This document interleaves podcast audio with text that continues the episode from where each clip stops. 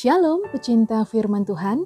Saat ini Anda sedang mendengarkan renungan harian diaspora sejahtera Batu. Pembacaan Alkitab hari ini terambil dari kitab Kejadian pasal 50 ayat 1 sampai ayat 14. Lalu Yusuf merebahkan dirinya mendekap muka ayahnya serta menangisi dan mencium dia. Dan Yusuf memerintahkan kepada tabib-tabib, yaitu hamba-hambanya, untuk merempah-rempahi mayat ayahnya maka tabib-tabib itu merempah-rempahi mayat Israel. Hal itu memerlukan 40 hari lamanya, sebab demikianlah lamanya waktu yang diperlukan untuk merempah-rempahi, dan orang Mesir menangisi dia 70 hari lamanya. Setelah lewat hari-hari penangisan itu, berkatalah Yusuf kepada seisi istana Firaun, Jika kiranya aku mendapat kasihmu, katakanlah kepada Firaun, bahwa ayahku telah menyuruh aku bersumpah, katanya, tidak lama lagi aku akan mati. Dalam kuburku yang telah kugali di tanah Kanaan, di situlah kau kuburkan aku. Oleh sebab itu izinkanlah aku pergi ke sana, supaya aku menguburkan ayahku, kemudian aku akan kembali. Lalu berkatalah Firaun, pergilah ke sana dan kuburkanlah ayahmu itu, seperti yang telah disuruhnya engkau bersumpah. Lalu berjalanlah Yusuf ke sana untuk menguburkan ayahnya, dan bersama-sama dengan dia berjalanlah semua pegawai Firaun, para tua-tua dari istananya, dan semua tua-tua dari tanah Mesir, serta seisi rumah Yusuf juga, saudara-saudaranya, dan seisi rumah ayahnya. Hanya anak-anaknya serta kambing domba dan lembu sapinya ditinggalkan mereka di tanah Goshen. Baik kereta maupun orang-orang berkuda turut pergi ke sana bersama-sama dengan dia, sehingga iring-iringan itu sangat besar setelah mereka sampai ke Goren Haatat yang di seberang sungai Yordan, maka mereka mengadakan di situ ratapan yang sangat sedih dan riuh. Dan Yusuf mengadakan perkabungan tujuh hari lamanya karena ayahnya itu. Ketika penduduk negeri itu, orang-orang Kanaan, melihat perkabungan di Goren Haatat itu, berkatalah mereka, Inilah perkabungan orang Mesir yang amat riuh. Itulah sebabnya tempat itu dinamai Abel Misraim, yang letaknya di seberang Yordan. Anak-anak Yakub melakukan kepadanya seperti yang dipesankannya kepada mereka. Anak-anaknya mengangkut dia ke tanah Kanaan dan mereka menguburkan dia dalam gua di ladang Makpela yang telah diberi Abraham dari Efron orang Het itu untuk menjadi kuburan milik, yaitu ladang yang di sebelah timur Mamre.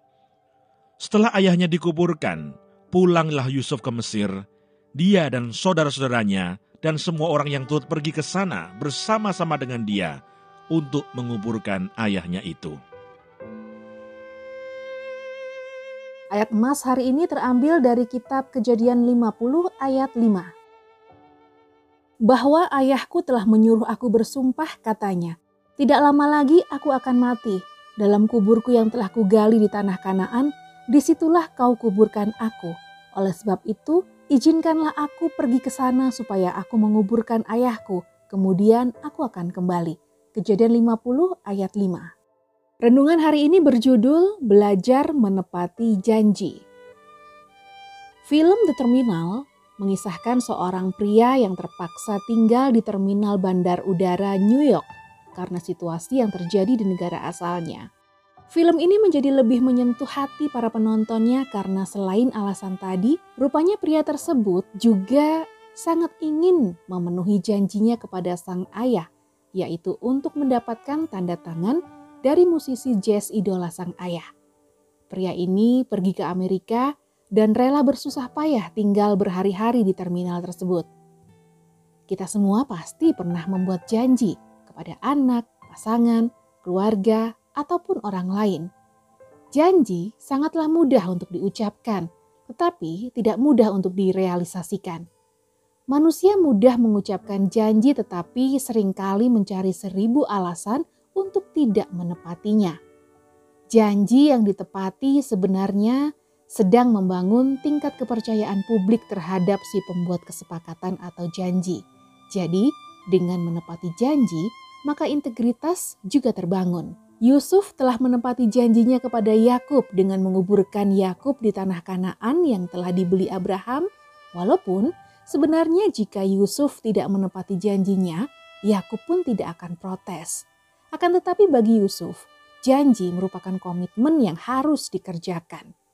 Menepati janji juga menunjukkan sikap menghargai dan menghormati orang yang menerima janji itu.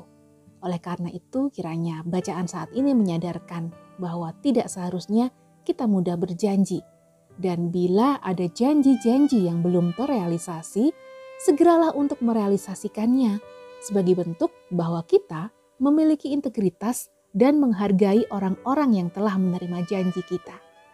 Lebih baik terlambat menepati janji daripada tidak ada niat sama sekali untuk menepati janji tersebut. Bukan karena jasa-jasamu atau karena kebenaran hatimu engkau masuk menduduki negeri mereka, tetapi karena kefasikan bangsa-bangsa itulah Tuhan Allahmu menghalau mereka dari hadapanmu dan supaya Tuhan menepati janji yang diikrarkannya dengan sumpah kepada nenek moyangmu, yakni Abraham, Ishak dan Yakub. Ulangan 9 ayat 5. Tuhan Yesus memberkati.